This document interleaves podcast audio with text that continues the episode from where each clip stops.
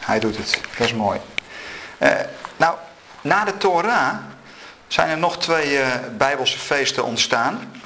Dus uh, toen was de Torah al afgerond. over eentje hebben we het al een keer gehad. Het, het Purimfeest. God is te verborgen. Esther, het Bijbelboek Esther. En over die andere gaan we het vanavond hebben. En dat is het Chanukka-feest. Of hoe je het ook kunt noemen, het lichtjesfeest of het inwijdingsfeest. Soms wordt er wel eens ondeugend gezegd, het is de Joodse variant op het kerstfeest. wij, eh, wij vieren kerstfeest, 25 december. De Joden vieren in, in december Chanukka-feest. Het is andersom trouwens, maar daar komen we vanavond op. Het Chanukka-feest was er natuurlijk was, was er eerder dan het kerstfeest. maar uh, daar nog meer over. Chanukka betekent letterlijk inwijding. Dus het woordje Chanukka, inwijding. En in de Bijbel vind je verschillende keren feestelijke inwijdingen van de tempel. Uh, heeft ook alles met de tempel te maken. in de Bijbel de woonplaats van God. Uh, nou, je vindt behoorlijk wat Chanukka-feesten in de Bijbel. Bijvoorbeeld wanneer de tempel van Salomo gereed is. Of na het gereedkomen van de tweede tempel. Die werd na de ballingschap gebouwd. En er is één psalm en daar wil ik vanavond even mee beginnen. Die wordt altijd gelezen als het gaat om de inwijding van de tempel. En dat is uh, Psalm 30. Psalm 30. En daar staat het volgende. Heer, u trok mij uit het dodenrijk omhoog. Ik daalde af in het graf, maar u hield mij in leven.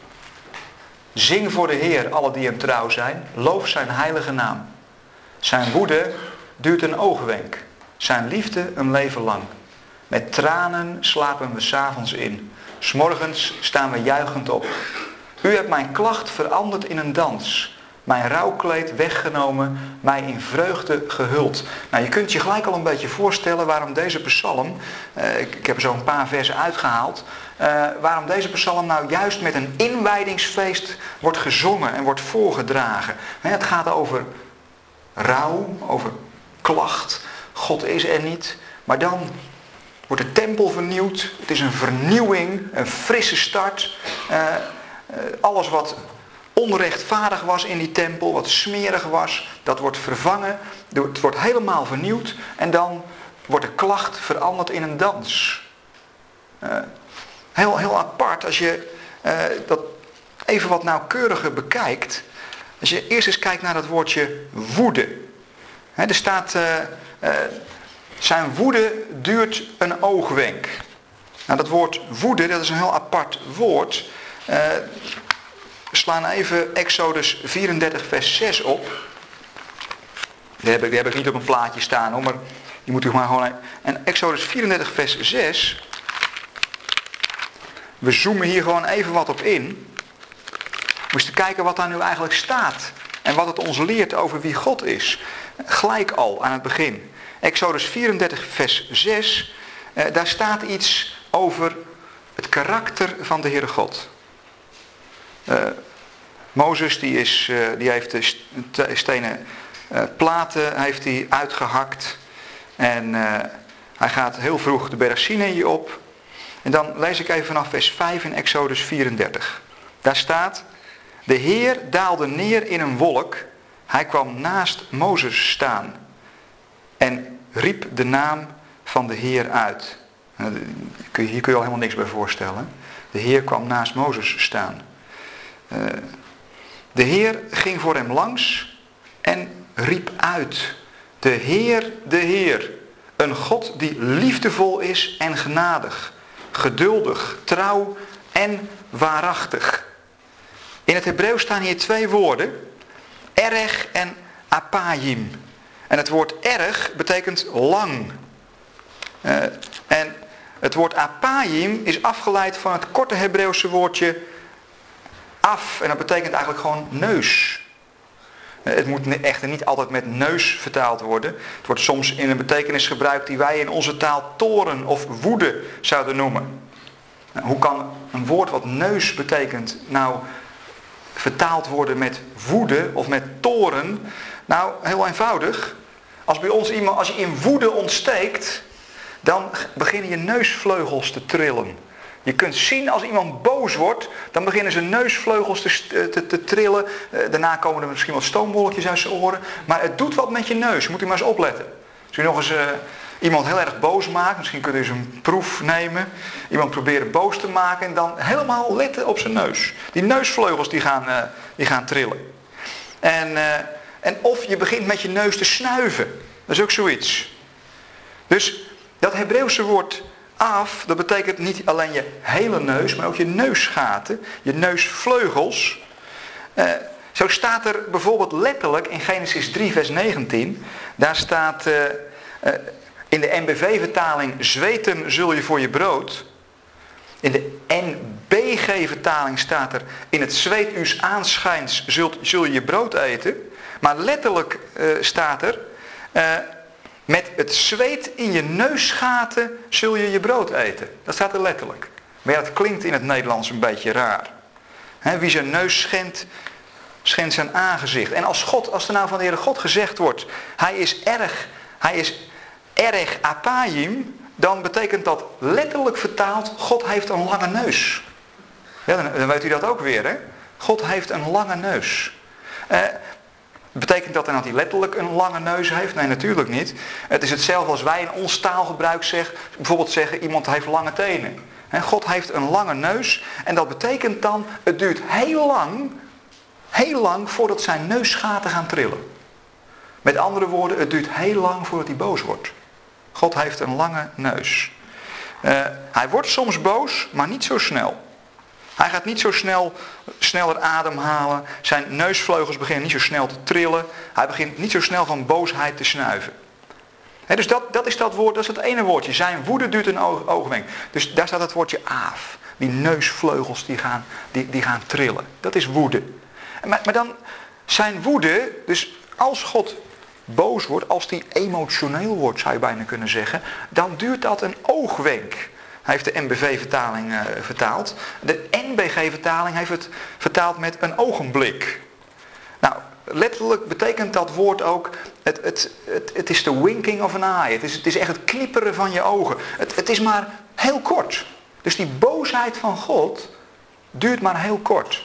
Lezen we uit, leren we uit dit vers. En dan, gaat het verder. Zijn, zijn woede duurt een oogwenk. Zijn liefde een leven lang. En dat woord liefde, ja, eigenlijk had daar moeten staan welbehagen. Oudere vertalingen hebben dat ook uh, staan. De MBV heeft gekozen voor liefde. Maar dat is het woordje ratson. En ratsa betekent verzoend worden. Uh, het welbehagen terugvinden. Je zou haast kunnen zeggen, je krijgt er weer zin in. Ratsa, er weer zin in krijgen. En dan zin in alle betekenissen die het woord heeft. Uh, je zou kunnen zeggen, je wordt opgenomen in een zinverband. Je, je, het zijn geen, je wordt weer in het goddelijk zinverband opgenomen. Je leven bestaat niet meer uit losse woorden, maar uh, het woord met een hoofdletter komt erin. je leven krijgt weer zin. Dat is uh, ja, zijn, zijn liefde een leven lang. Dus God die, die, die is, er zijn is er je leven lang mee bezig om dat weer zinvol te maken. Om er welbehagen in te stoppen. Uh, en God zelf heeft er zin in. Heeft er welbehagen in om door te gaan met mensen. Een ogenblik duurt zijn toren. Een leven lang zijn welbehagen, zijn ratson, zijn verzoening. Uh, de zin weer terugbrengen. Nou, ik vind het bijzonder dat juist zo'n psalm wordt gelezen als het gaat om het Chanukka-feest, om de inwijding. die, die, eh, nou, we gaan eh, wat verder. Eh, er is met betrekking tot Chanukka-feest is er wat verwarring met het kerstfeest. Uh, dan moet je weten, dat Chanukka-feest, ik ga zo wat over de historische achtergronden vertellen hoor. Maar dat, dat, dat, dat Chanukka-feest, dat lichtjesfeest, dat, dat vieren de Joden altijd in december. Ja, december, dan denk je gelijk aan kerst. Uh, en lichtjes, nou, eh, de kerstboom misschien, misschien staat hij bij u ook.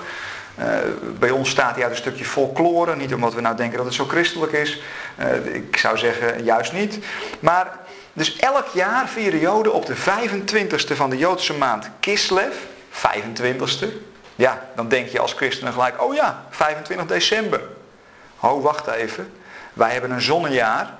Uh, Joden hebben dat niet. Dus uh, het is niet op 25 december. Het is elk jaar weer op een ander moment. Dit jaar viel het Chanukka-feest. begon op 5 december. Ja, daar kon Sinterklaas er net niet bij zijn. Uh, van 5 tot en met 12 december was het dit jaar. Dus het is, het is, het is net afgelopen eigenlijk, het, het, het Chanukka-feest. Elk jaar tussen eind november en eind, eind de, december ongeveer. Maar je kunt het natuurlijk uh, makkelijk verwarren met 25 december. Het is een vrolijk feest. Het, het, was vroeger, 25 december, de dag van de Romeinse zonnewende. En toen het christendom de officiële godsdienst werd in het Romeinse Rijk, werd het feest van de zonnewende voortaan het geboortefeest van Christus. En de christenen, want veel christenen vieren in die tijd alle Joodse feesten mee. Ook het Chanukka-feest werd voluit meegevierd door de toenmalige christenen. Eh, toen het christendom eenmaal staatsgodsdienst was geworden, werd te kennen gegeven dat christenen. Dat het niet langer gewenst was dat christenen het Chanukka-feest meevierden. Ze moesten voortaan kerstfeest gaan vieren. op deze manier is, ik zeg het maar heel voorzichtig, zelfs de viering van kerstfeest ten diepste een daad van antisemitisme. Zo is het begonnen. Want christenen werden losgetrokken van het Chanukka-feest en werden geplakt op het kerstfeest, de Romeinse zonnewende. Uh, dus ja, nou ja, oké, dat zijn de wortels. Ja, deze had ik er even bij gedaan. Ik heb hier een weblog over geschreven. Juist met Chanukka gebeurde dit. Ik heb hem genoemd de moderne Samaritaan. Wat gebeurde die, die Joodse jonge man die... Uh, die kwam in Brooklyn, dit is afgelopen week gebeurd, die kwam in Brooklyn, kwam die, uh, liep hij de trein uit uh, met, met Hanukkah dus waar ze aan het vieren. En hij kwam een aantal jongens tegen en hij zei tegen hen, Happy Hanukkah. En die jongens vonden het niet zo leuk dat hij dat zei. En, en een die, die, haalde zijn, zijn, zijn mouw, wat op, er was een kruisje te zien. En die jongens begonnen hem in elkaar te meppen, die, die Joodse jongen. En, uh, de, maar toen kwam er toevallig, wat hij toevallig, uh, kwam er een, een, jonge, uh, een jonge kerel langs, Asdan geheten, een, jonge moslim. En, en, en die schoot de Joodse jongeman te hulp. En die wist de belagers weg te meppen. En het zijn inmiddels vrienden van elkaar geworden. Een moderne Samaritaan met het Chanukka-feest. Vorige week gebeurd. Ja, toch wel heel bijzonder. Om even door alle vooroordelen maar eens een keertje heen te breken. We kijken kort naar de historische achtergrond van het feest. En dan gaan we straks kijken naar de bijbelse betekenis en wat leert het nou ons nou over wie, God is. Uh, de historische achtergrond. Nou, we bevinden ons nu eventjes, uh, gaat u even mee, zo in de tweede eeuw voor Christus. Het is eigenlijk de periode waarin er geen Bijbelboeken geschreven zijn. Dus de tijd tussen het Oude en het Nieuwe Testament. Daar bevinden we ons nu. Er zijn wel boeken geschreven, maar die zijn uh, zogenaamd deuterocanoniek. Oftewel, die staan niet in onze Bijbel. Als je de katholieke Bijbelvertaling hebt, staan ze er wel in. Maar dat is een ander verhaal. Als je het hebt over de boeken waar dit feest in staat, heb je het over de Maccabeeën. 1 en 2 Maccabeeën.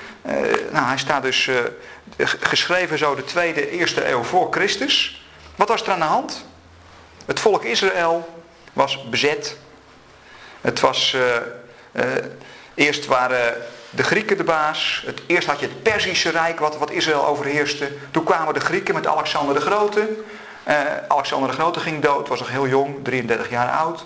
En er kwamen vier generaals in zijn plaats. En uiteindelijk werden de Syriërs werden de baas uh, over Israël. De Syriërs, dus met een Griekse tik. En uh, dat, dat ging eigenlijk heel aardig allemaal. Ze lieten de Joden redelijk vrij, Syrische heerschappij. Maar toen kwam er een koning, en die koning heette Antiochus IV. Dat is deze man. En die Antiochus IV, die had de bijnaam de krankzinnige man. Die man die was echt krankzinnig. Uh, en, en die man, die die begon een bloedige oorlog tegen de Joden. En die oorlog die bedreigde niet alleen het fysieke bestaan voor de Joden, maar hij viel ook hun spirituele leven aan. De Joodse manier van leven werd verboden door die Antiochus IV. Uh, er waren, er waren Joden en die kozen zijn kant. De zogenaamde Hellenistische Joden. Uh, die uh, lieten zich niet meer besnijden. Die gingen leven volgens de Griekse gebruiken. Die gingen mee in de Griekse filosofie. Uh, die gingen helemaal daarin mee. Maar je had ook Joden in Israël die zeiden: nee, wij willen trouw blijven aan de God van Israël. En die hadden het heel erg moeilijk. de tempel werd bestormd. werd ontwijd. Beroofd van alle schatten. talloze onschuldige mensen werden afgeslacht. De overlevenden werden hoge belastingen opgelegd. En wat doet, wat doet hij in de tempel? Uh, in het tempel wordt een beeld van de god Zeus neergezet. Uh, nou, dat is natuurlijk een ontwijding tot en met. Er wordt een offer gebracht in die tempel. Een offer van een, een varken wordt geslacht in de tempel. Bloed van het varken wordt over uh, het, het, altaar gesprengeld. Die Antiochus de Vierde doet alles om de Joden tot in hun bot te krenken. Uh, uiteindelijk... Uh, hier wordt een varken geslacht. Ja, sorry voor de vegetariërs onder ons. Wat doet hij nou overal in het land? Uh, worden er varkens geslacht, joden worden naar voren gehaald, moeten een stukje varkensvlees eten, uh, moeten, uh, mogen geen sabbat meer vieren, mogen de Torah niet meer bestuderen. Dus wat wil Antiochus IV doen? Die wil de ziel van het Joodse volk wil die vernietigen. En uiteindelijk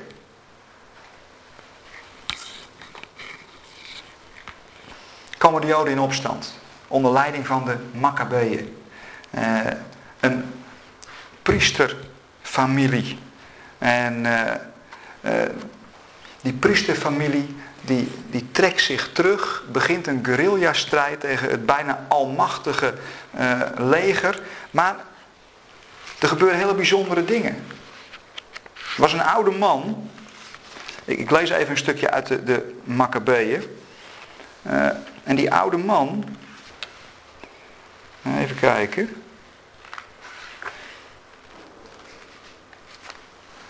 Ja, ik moet een klein stukje verder zijn. Hier zit het foutje. Uh, een oude man uit een priesterfamilie. En Antiochus wilde een voorbeeld stellen. Hij dacht, als die oude man, 90 jaar oud was die, was die meneer. Als die door de knieën gaat. En als die dat varken gaat offeren en eten. Dan krijg ik de rest van het volk ook op zijn knieën. En uh, die man die heette Eliezer. Klein stukje. Uit een priesterfamilie, een schriftgeleerde, hoogbejaard. En aan velen van het koninklijk hof bekend vanwege zijn filosofisch inzicht. Toen Antiochus hem zag, zei hij: Voordat ik je laat martelen, grijzaard, zal ik jou deze raad geven. Eet van het varkensvlees en red jezelf. Ik heb eerbied voor je ouderdom en je grijze haren. Maar ik kan me niet indenken dat jij een filosoof bent, wanneer je zo oud nog steeds vasthoudt aan de Joodse godsdienst. Waarom verafschuw je het? Dit voortreffelijke vlees te eten van het dier dat de natuur ons vrijelijk ter beschikking heeft gesteld. En nu gaat Eliezer antwoorden. Wij, die uit overtuiging ons leven leiden in overeenstemming met de wet van God, geloven dat geen dwang meer verplicht dan onze eigen bereidwillige gehoorzaamheid aan die wet. En daarom achten wij het in geen enkele situatie juist de wet te overtreden. Ja, zelfs als onze wet niet goddelijk was, zou het voor ons nog niet mogelijk zijn onze goede naam als vrome mensen te ontkrachten. En zie, het eten van onrein vlees niet als een kleine aanslag. Een overtreding is van gelijk gewicht, in kleine en in grote zaken. Want in beide gevallen wordt de wet geminacht. U spot over onze leer. Toch leert hij ons onthouding, zodat wij meester zijn over alle genietingen en verlangens. En ze geeft ons de kracht moedig te zijn, zodat we bereid zijn iedere moeilijkheid te verdragen. Ik zal de heilige belofte van mijn voorvader om de wet te houden niet schenden. Zelfs niet als u mijn ogen zou uitsteken en mijn binnenste zou verbranden. Ik ben nog zo aftans, nog zo verachtelijk, dat mijn geest haar jeugdig elan zou kwijtraken in zaken de godsdienst. Maak uw martelwiel maar gereed. Blaas uw vuur maar aan tot groter hitte. U zult mijn gewijde oude lippen niet bezoedelen. Onbesmeerd zullen zij mijn vaderen welkom heten. En inderdaad, Eliezer wordt daarna gemarteld. Hij wordt uiteindelijk verbrand. Daarna zegt Antiochus, oké, prima. Dat was een oude man, die had niks te verliezen. Nu gaan we eens kijken naar een moeder met zeven jongens. En daar gebeurt hetzelfde mee. Maar ook die worden stuk voor stuk afgeslacht door die Antiochus. Het maakt de strijd alleen maar feller. Maar uiteindelijk, uiteindelijk weten de Maccabeeën de Syriërs te verslaan. En als ze dat hebben gedaan, eh, ja, dan begint het puinruimen. Uh, de tempel is ontwijd. Uh, de bevrijding is daar. Het Joodse volk is weer vrij tot aan de komst van de Romeinen later. en, maar ja, de tempel moet worden geheiligd. Het is een, een puinzooi geworden. de Griekse beelden moeten eruit. de tempelschatten moeten weer terug. Maar dan hebben we het wonder van Hanukkah. Als uiteindelijk die tempel weer geheiligd is, eh, ja, dan, moeten de, dan moet de menorah weer gaan branden. En, eh, maar die menorah, die altijd moet branden in de tempel, die mag alleen branden op gewijde olie. Zij zoeken, zoeken, zoeken. Er was maar een klein kruikje olie, vonden ze. En er zat genoeg in voor één dag. Maar ja, hij moest zeven dagen branden. Uh, ze staken hem aan. En er ging één dag voorbij. En er ging twee dagen voorbij. En drie, en vier, en vijf, en zes, en zeven. En het wonder geschiedde dat de kandelaar bleef branden op dat ene kruikje olie. Dat kon helemaal niet, maar het gebeurde wel. Dit wordt genoemd het wonder van, uh, van de olie. De, de vlammen bleven acht volle dagen lang branden. Uh, en dat wordt nog elk jaar gevierd. En elk jaar worden die kaarsjes dan weer, dan weer aangestoken. Uh, Hanukkah, ja, je kunt denken aan een soort housewarmingsparty. De tempel wordt opnieuw ingewijd. Alles is nieuw. Je maakt een frisse start. Uh, en Jezus zei over dat Hanukkah-feest, hij noemt het eigenlijk één keer in, in Johannes 10. Dus even kijken of ik die ook op de, dia heb. Johannes 10. Met andere woorden, uh, ook Jezus vierde dit Genoeka-feest. Johannes 10, vers 22. Ik heb hem niet op de dia, zie ik. Daar noemt Jezus dit feest het vernieuwingsfeest.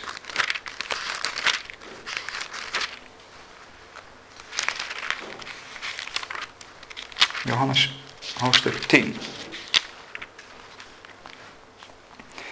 Vers 22. In Jeruzalem werd het feest van de tempelwijding gevierd. Staat er in de MBV-vertaling. Het was winter.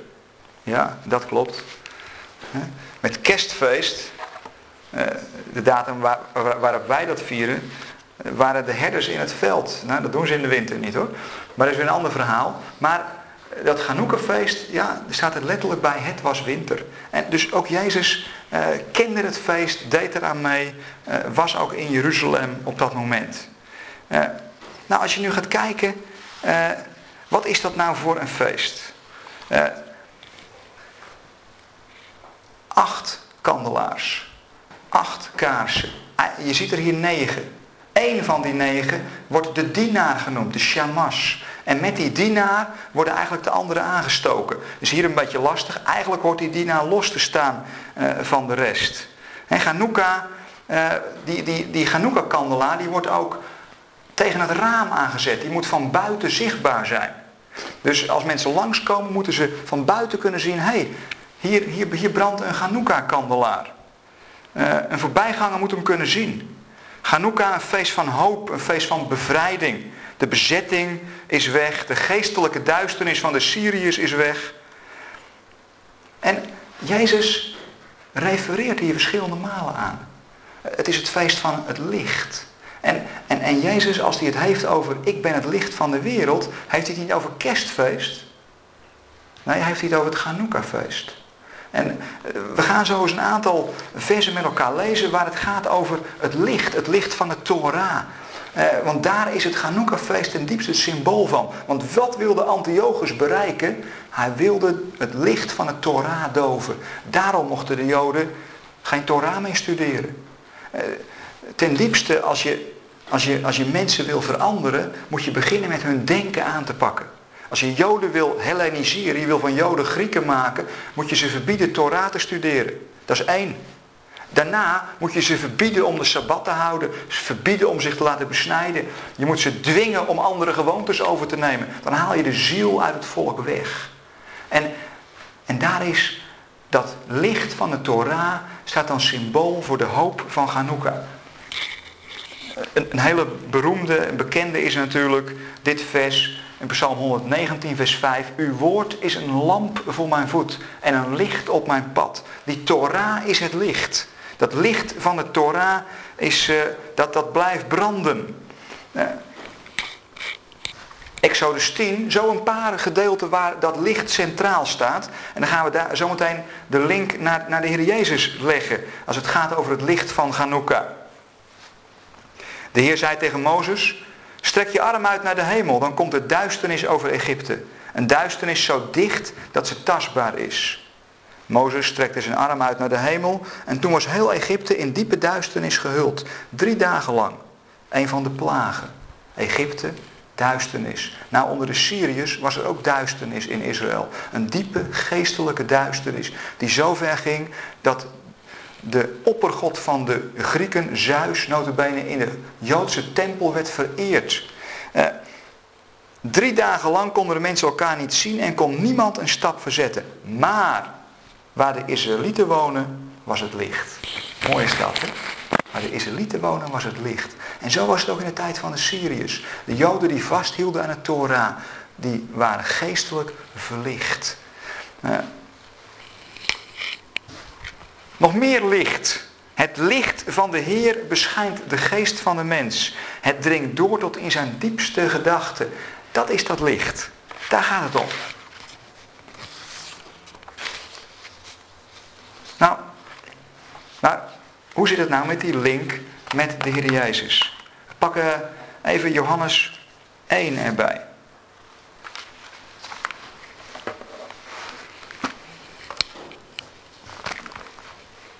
Johannes 1. Wat een hele mooie verbinding heeft met het uh, Chanukka gebeuren. Johannes 1, de eerste, de eerste verse. Even kijken hoor. Zoveel blaadjes hier. Even de goede blaadjes tevoorschijn pakken. Ik kwam nog iets heel moois tegen over dat Johannes 1 kijken of ik die hier ergens heb. Van de.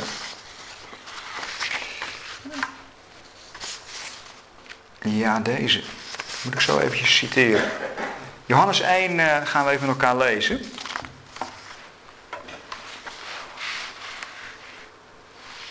Daar staat vanaf het eerste vers. In het begin was het woord. Het woord was bij God en het woord was God. Het was in het begin bij God. Alles is erdoor ontstaan en zonder dit is niets ontstaan van wat bestaat. In het woord was leven en het leven was het licht voor de mensen. Het licht schijnt in de duisternis. En de duisternis heeft het niet in haar macht gekregen. Die, die duisternis die zo tastbaar was in Egypte, drie dagen lang, die duisternis van de Syrische overheersing, het heeft het, niet, heeft het licht niet in zijn macht gekregen. Het licht van het Torah niet, maar bovenal het licht van de levende Torah, van het levende woord van Jezus niet. En zo kwam iemand die door God was gezonden. Hij heette Johannes. Hij kwam als getuige om van het licht te getuigen, opdat iedereen door hem zou geloven. Hij was niet zelf het licht, maar hij was er om te getuigen van het licht. Het ware licht, dat ieder mens verlicht en naar de wereld kwam. Het woord was in de wereld, de wereld is door hem ontstaan en toch kende de wereld hem niet. Hij kwam naar wat van hem was, maar wie van hem waren, hebben hem niet ontvangen. Wie hem wel ontvingen en in zijn naam geloven, heeft hij het voorrecht gegeven om kinderen van God te worden. Zij zijn niet op natuurlijke wijze geboren, niet uit lichamelijk verlangen of uit de wil van een man, maar uit God. Een heel bijzonder vers in, in dit uh, geheel is uh, het negende vers. Uh, even vanaf vers 8 maar lezen. Hij was niet zelf het licht, wordt er over Johannes gezegd, maar hij was er om te getuigen uh, van het licht. Het ware licht dat ieder mens verlicht en naar de wereld kwam. Uh, vers, vers 9 moet je eigenlijk maar eens flink onderstrepen. Nou, als je het over Hanukkah hebt, heb je het over vernieuwing, je hebt het over bevrijding, je hebt het over licht wat voortkomt uit een hele hoop duisternis, uh, over de tempel die weer opnieuw wordt ingewijd. Maar Jezus past dit rechtstreeks, dat licht van het Hanukkah-feest, past hij rechtstreeks op zichzelf toe. Hij zegt, ik ben het licht. Johannes 8 zal hij later nog zeggen, ik ben het licht van de wereld. En zoals, die, eh, zoals het lichtjesfeest laat zien dat er licht is, dat er hoop is na de duisternis, bevrijding. Eh, bij het Loofhuttenfeest heb je, het hele, heb je de hele watersymboliek. Uh, dan zegt Jezus, ik ben het levende water. En bij het Hanukkah-feest heb je het, hele lichtsymboliek. Het lichtjesfeest. En dan zegt Jezus, ja maar ik ben het waarachtige licht. Ik ben het echte licht. En dan in vers 9, daar staat zo eh, gigantisch optimistisch het ware licht dat ieder mens verlicht en naar de wereld kwam. Het staat daar heel absoluut. Hè? Het is een absolute uitspraak. Het ware licht, het waarachtige licht, dat ieder mens verlicht. Daar valt dus geen mens buiten de boot. Ieder mens wordt verlicht. Ja, maar, oh wacht eens even. Dat is natuurlijk de wens. Pas geleden had ik nog een, eh, een, een kleine discussie met iemand hierover. En die zei, ja, maar zo kun je dat niet lezen. Want dat is niet uitgekomen. Zei, oh, dan zeg je nogal wat. Nee, want dan moet je ook verder lezen. Oké, dan lezen we verder. En inderdaad, moet je eens lezen. Eh, het woord was in de wereld, de wereld is door hem ontstaan en toch kende de wereld hem niet. Nee, dat is apart. De wereld is nog steeds duister. Ik ga volgende week vrijdag ga ik met mijn mentorklas weer een kerstviering houden. En ja, dan krijg je natuurlijk de opmerkingen. Nou, leuk vrede op aarde. Gezellig. Nou, niet dus. Komt het ooit dan? Die duisternis is nog steeds erg dik hoor. Kijk maar naar het journaal. Dus de wereld kent hem niet. Oké. De wereld is misschien mislukt dan. Maar dat is een eigen volk. Dat moet toch zeker lukken. En dan gaat het nog verder. Het wordt nog dramatischer. Wie, hij kwam naar wat van hem was. Het volk Israël, het verbondsvolk. Maar wie van hem waren, hebben hem niet ontvangen. Het wordt nog erger.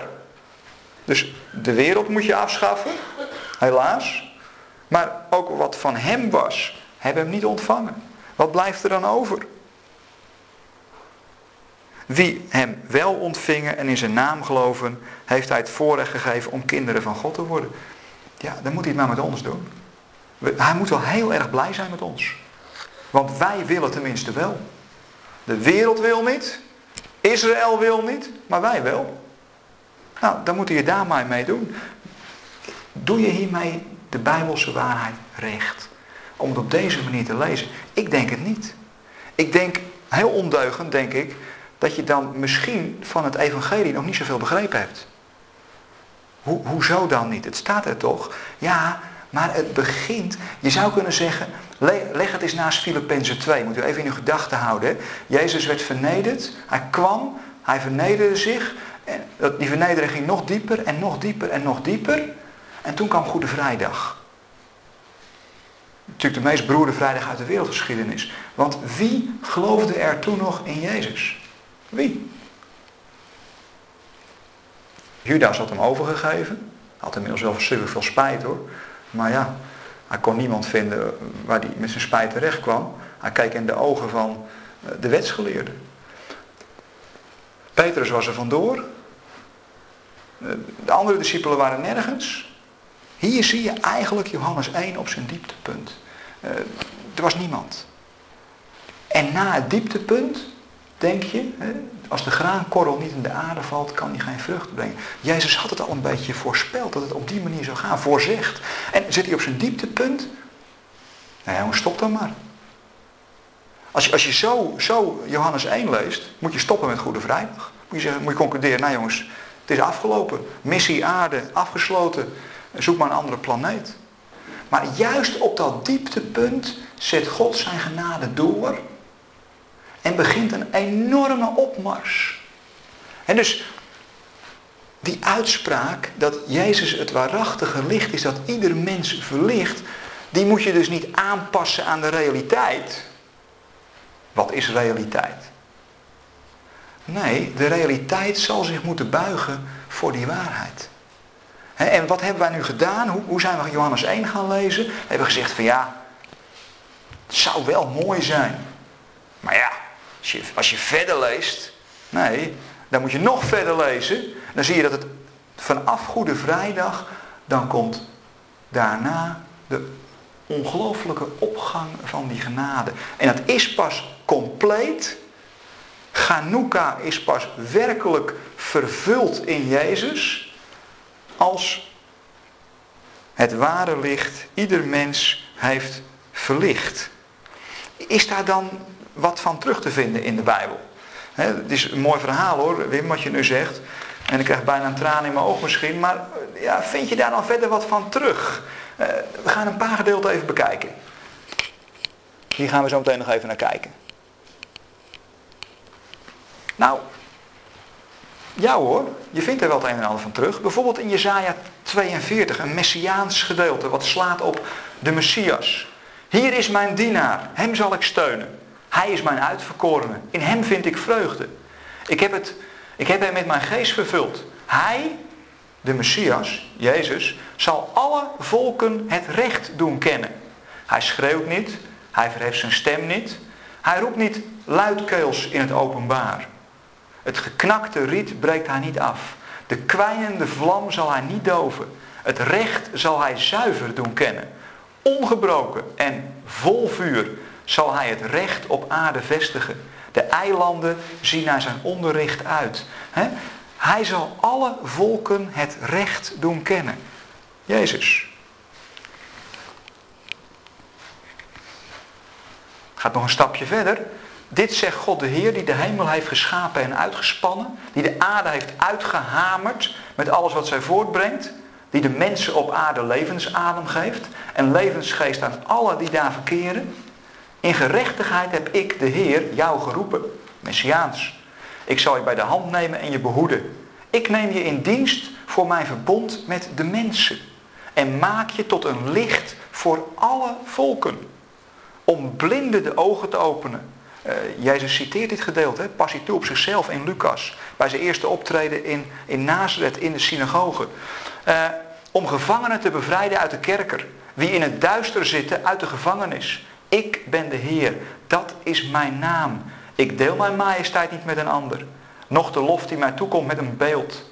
Wat eertijds is, werd voorzegd, is nu vervuld. En ik kondig jullie nieuwe dingen aan. Nog voor ze ontkiemen zal ik ze openbaren. Dus wat gaat Jezus doen? Hij is een licht voor alle volkeren. Blinden gaan de ogen open. Oftewel, hij is dat waarachtige licht wat ieder mens verlicht.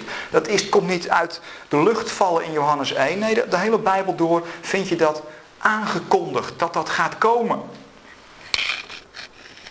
Jezaja 49, nog maar eentje. Uh, toen sprak de Heer die mij al in een moederschoot gevormd heeft uh, tot zijn dienaar om Jacob naar hem terug te brengen. Dus niet de volkeren alleen, maar ook Jacob. Hè? Dat wat van hem was. Het, het, het volk Israël. Om Israël rond hem te verzamelen. Dat ik aanzien zou genieten bij de Heer. En dat mijn God mijn sterkte zou zijn. Hij zei dat je mijn dienaar bent om de stammen van Jacob op te richten. En de overlevenden van Israël terug te brengen. Dat is nog maar het begin. En het herstel van Israël lezen we hier, zal het begin zijn voor een wereldwijd herstel van de volkerenwereld. Eerst Israël, eerst de Jood en dan de niet-Jood. Wat Paulus al aangeeft in Romeinen 1. Ik zal je maken tot een licht voor alle volken. Opdat de redding die ik brengen zal tot aan de einde van de aarde reikt. Dat is allemaal Johannes 1. Dat staat allemaal in Johannes 1 vers 9. Is dat eigenlijk allemaal samengevat. Jezus is het waarachtige licht van Chanukka. Is wel mooi hè, als je dat op die manier in zijn, in zijn verband gaat zien. En dan ga je Johannes 1 toch heel anders lezen. Van, het is niet een, een mislukte missie van nou jongens de wereld wil niet. Hè, vervelend dat die wereld niet wil. Ja wij doen zo ons best maar ze willen niet. Israël wil ook al niet. Uh, ja wat blijft er dan nog over? Uh, God is geen mens dat hij zijn majesteit met anderen zal delen. Natuurlijk niet. Eh, nou, Nog maar eentje. Jezaja 51. De Heer troost Sion. Hij biedt troost aan haar ruïnes. Hij maakt haar woestenij aan Eden gelijk. Haar wildernis wordt als de tuin van de Heer. Het zal een oord zijn van vreugde en gejuich. Hier zie je, beste mensen, eerst verval, eerst ballingschap. En het lijkt alsof het mislukt. En dan vanuit die mislukking komt weer die opgang. Dat is steeds de Bijbelse lijn. Dat zie je bij Israël, dat zie je bij Jezus en dat zul je ook bij de volkerenwereld gaan meemaken. Dat is Chanukka. Uh, het zal een oord zijn van vreugde en gejuich, waar muziek en lofzang klinken. Mijn volk, luister aandachtig naar mij. Mijn natie, leen je oor. De wet vindt zijn oorsprong in mij. En mijn recht, daar komt hij weer, eerst Israël, dan de volken. De wet vindt, uh, mijn recht zal een licht zijn voor alle volken. In een oogwenk, daar hebben we de oogwenk weer, breng ik de zegen nabij. De hulp die ik bied is al onderweg. Ik zal krachtig recht spreken over de volken. Gaat maar door, hè? Het gaat maar door. Die hele Bijbelse lijn eh, wordt daar zo neergezet. Eh, en dat wordt samengebald in, in, in Johannes. Johannes 1.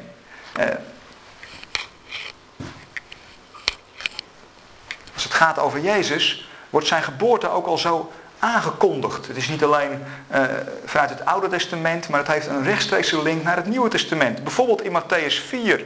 Uh, toen Jezus hoorde dat Johannes gevangen genomen was, week hij uit naar Galilea. Hij liet Nazareth achter zich, ging wonen in Capernaum aan het meer van Galilea, in het gebied van Zebulon en Naphtali. Zo ging in vervulling wat gezegd is door de profeet Jezaja. Land van Zebulon en Naphtali, gebied aan de weg naar zee en aan de overkant van de Jordaan. Galilea van de heidenen, luister. Het volk dat in duisternis leefde, zag een schitterend licht. En zij die woonden in de schaduw van de dood, werden door, licht, door het licht beschenen. Vanaf dat moment begon Jezus zijn verkondiging als het waarachtige licht. Eh, kom tot inkeer, zei hij, want het koninkrijk van de hemel is nabij. En hij begon zijn verkondiging en het leek erop alsof dit direct zou gaan gebeuren. Het volk had een, een licht, zag het licht en oh jongens, het ging allemaal goed. Het, je zou het ook bijna denken uh, vanuit Lucas 2, hè, als Jezus zijn verkondiging begint. Het wordt door de engelen aangekondigd in, in Lucas 2. Uh, uh, Lucas 2 vanaf vers 10. De engel bij de herders. De engel zei tegen hen, wees niet bang, want ik kom jullie goed nieuws brengen. Dat het hele volk met grote vreugde zal vervullen. Uh, vandaag is in de stad van David voor jullie een redder geboren. Hij is de Messias, de Heer. Nou, grote verwachting. Heel het volk zal met vreugde vervuld worden. Is de hele Bijbelse lijn. Dat vind je de hele Bijbel terug. Dat dat licht dat zal Israël aanraken, Israël in vuur en vlam zetten en van daaruit naar de volkerenwereld. Dat kwam Jezus doen. Hij was het waarachtige licht. En dat zie je hier ook in terug. Hè? Het volk wat leefde in duisternis, Romeinse bezetting. De Syriërs waren dan wel verslagen. Ganouka werd wel gevreesd. Maar daarna kwam er een nieuwe bezetting, de Romeinen. Keiharde bezetters waren dat. Eh, ze, ze leefden weer in diepe duisternis. Eh, maar ze zagen een schitterend licht. En ze werden door het licht beschenen. En, en, en het lijkt erop dat dat direct zou gaan doorbreken. Maar wat zie je dan gebeuren? Heel wonderlijk wel. Jezus zou later zeggen, als hij Jeruzalem ziet. Jeruzalem, Jeruzalem. Ik heb u bijeen willen vergaren. Zoals een hen onder haar vleugels. Maar gij hebt niet gewild. Er zal geen steen op de andere gelaten worden. Oftewel, het gaat eerst door de diepte heen. En het lijkt helemaal mislukt. En dan gaan we een punt zetten. Zeggen, het is mislukt. Nee, dan moet je doorlezen. Het gaat door de diepte heen en dan komt dat wonderbaarlijke herstel. En, en dat herstel vind je overal geprofiteerd. Ik zou bijna zeggen, je moet wel blind zijn om het niet te zien. Maar dat klinkt ook weer een beetje onaardig. maar als we het over licht hebben en over duisternis en over verblinding, dan past het er misschien wel een beetje bij. Uh, maar hoe gaat dat nu verder? Jezus uh, want, want wij zijn wel de eerstelingen. Wij zijn degene die het nu zien. Als zijn kinderen hebben het recht om zijn kinderen te zijn. Uh, nou, daar hebben wij nu ook zegt Jezus tegen zijn discipelen. Oh, nog eentje. Eh, ja, ik, ik, ik hamer het een beetje in. Hè? Vindt u niet erg? Dat u niet denkt van, oh, maar die Wim die had even Johannes 1 aan en daar haalt hij wel heel veel uit. Lucas 2 vind je hetzelfde. Nu laat uw Heer. Wie, wie zegt dit, weet u dat? Die hele oude meneer in de tempel, die, die mag toch nog de geboorte van Jezus meemaken. En, en die zegt hier, nu laat uw Heer uw dienaar in vrede heen gaan zoals u hebt beloofd. En dan komt het weer, hè? Diezelfde gigantische belofte. Steeds weer, dat licht komt steeds weer terug. Want met eigen ogen heb ik de redding gezien. De verlossing. Die u bewerkt hebt ten overstaan van alle volken. Een licht dat geopenbaard wordt aan de heidenen. En dat tot eer strekt van Israël uw volk. Ze komen steeds weer bij elkaar, de heidenen en Israël. En centraal staat het licht. Het licht wat Jezus is. Het ware licht van uh, eh, Chanukka. Uh,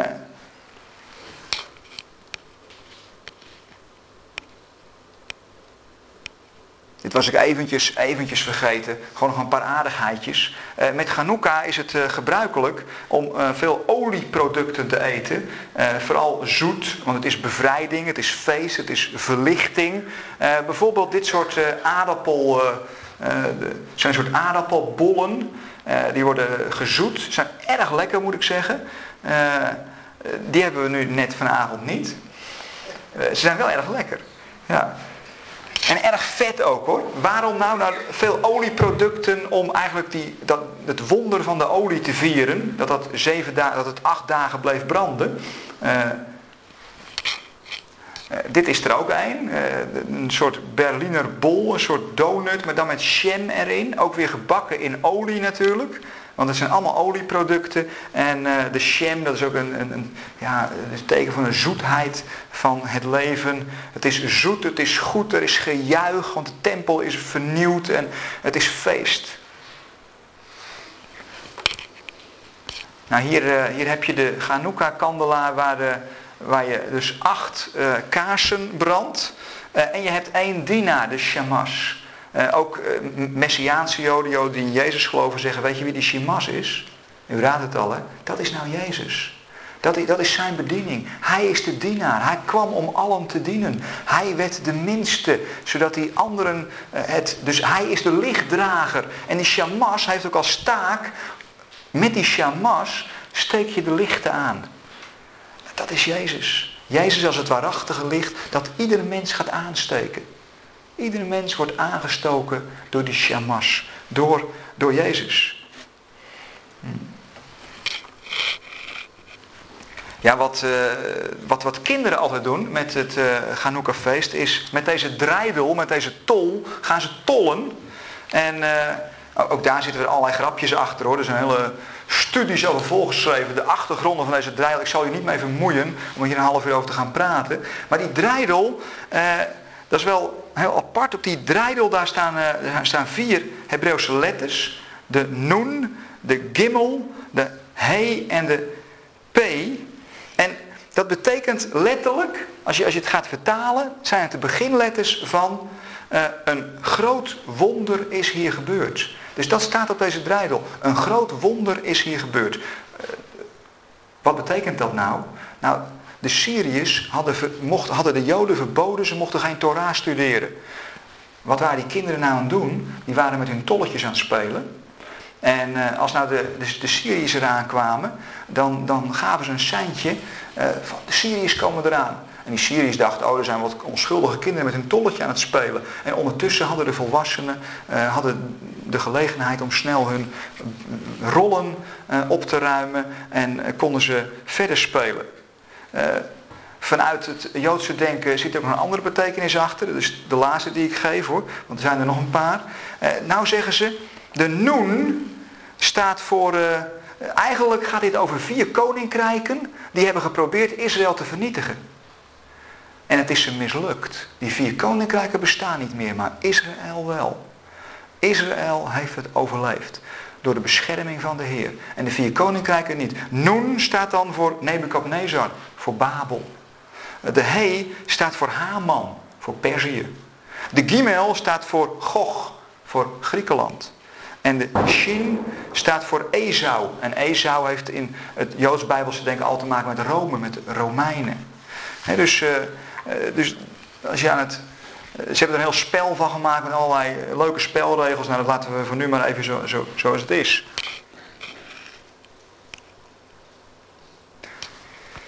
Nou, Jezus zelf, die. Uh, eventjes naar aanleiding van Hannes 1, hè, waar staat Jezus is het waarachtige licht dat ieder mens verlicht. Nou, Jezus zelf pakt die handschoen ook op hoor, van Jezaja, van de profeten. Uh, en hij zegt hier in Johannes 8, vers 12, Jezus nam opnieuw het woord. Hij zei, ik ben het licht voor de wereld. Of het licht van de wereld. Wie mij volgt loopt nooit meer in de duisternis, maar hij heeft licht dat leven geeft. En dat is mooi, want dat licht komt ook daadwerkelijk in je. Daarom zegt hij ook laat tegen de discipelen, jullie zijn het licht. Wij, mogen uh, in alle bescheidenheid, uh, mogen wij lichtdragers zijn. we hebben de geest van Jezus in ons wonen. Jullie zijn het licht in de wereld. Een stad die boven op een berg ligt, kan niet verborgen blijven. We kunnen niet verborgen blijven. Het licht van de wereld.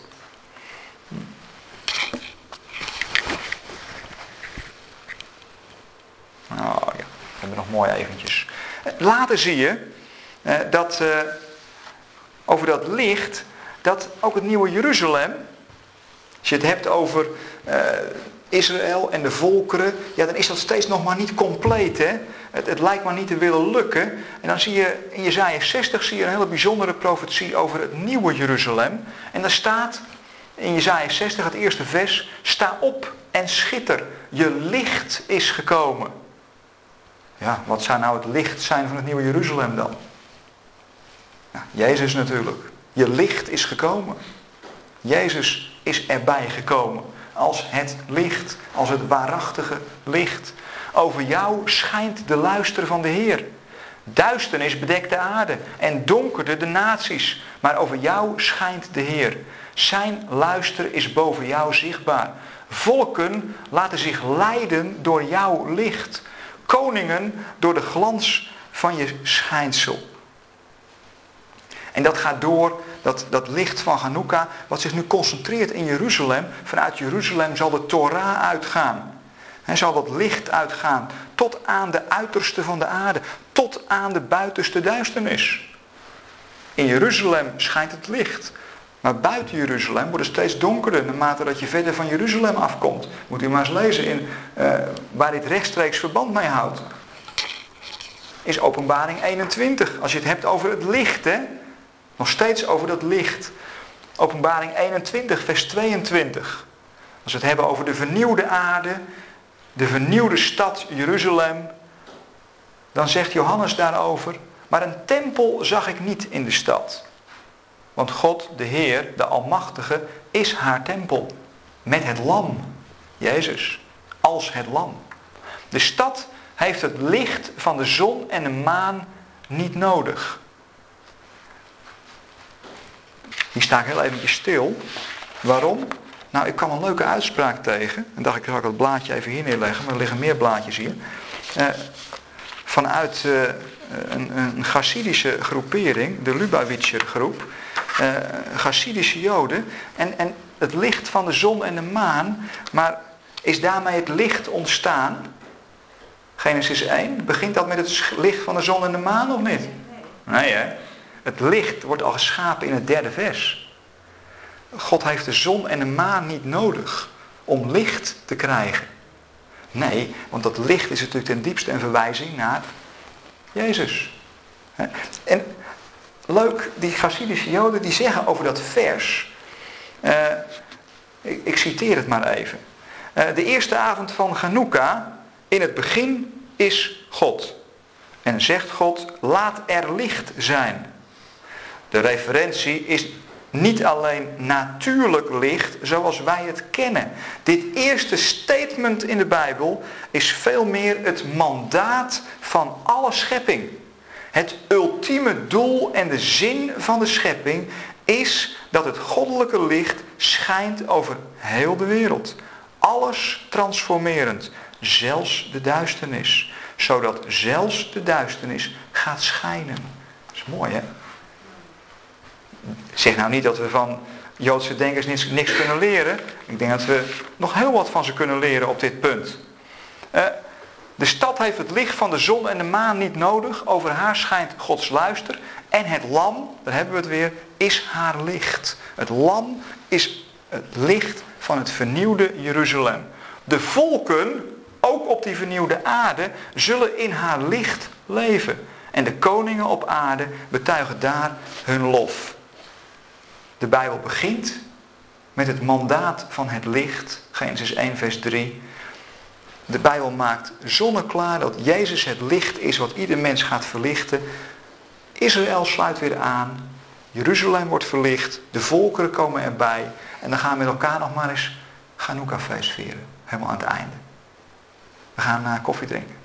En straks mag u los branden met uw vragen. En misschien komt er nog wel meer licht.